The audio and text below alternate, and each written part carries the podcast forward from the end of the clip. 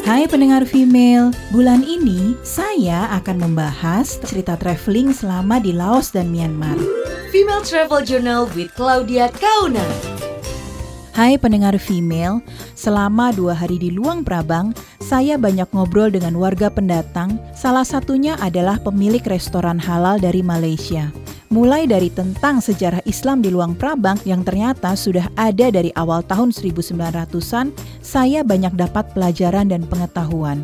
Makanya setiap kali traveling, saya selalu berusaha untuk ngobrol dengan orang lokal. Kalau pendengar female sendiri gimana? Seneng nggak kalau ngobrol-ngobrol sama orang lokal? Tunggu ya Female Travel Journal selanjutnya dan Anda juga bisa membaca ulasan lengkapnya di femaleradio.co.id. Female Travel Journal with Claudia Kaunang.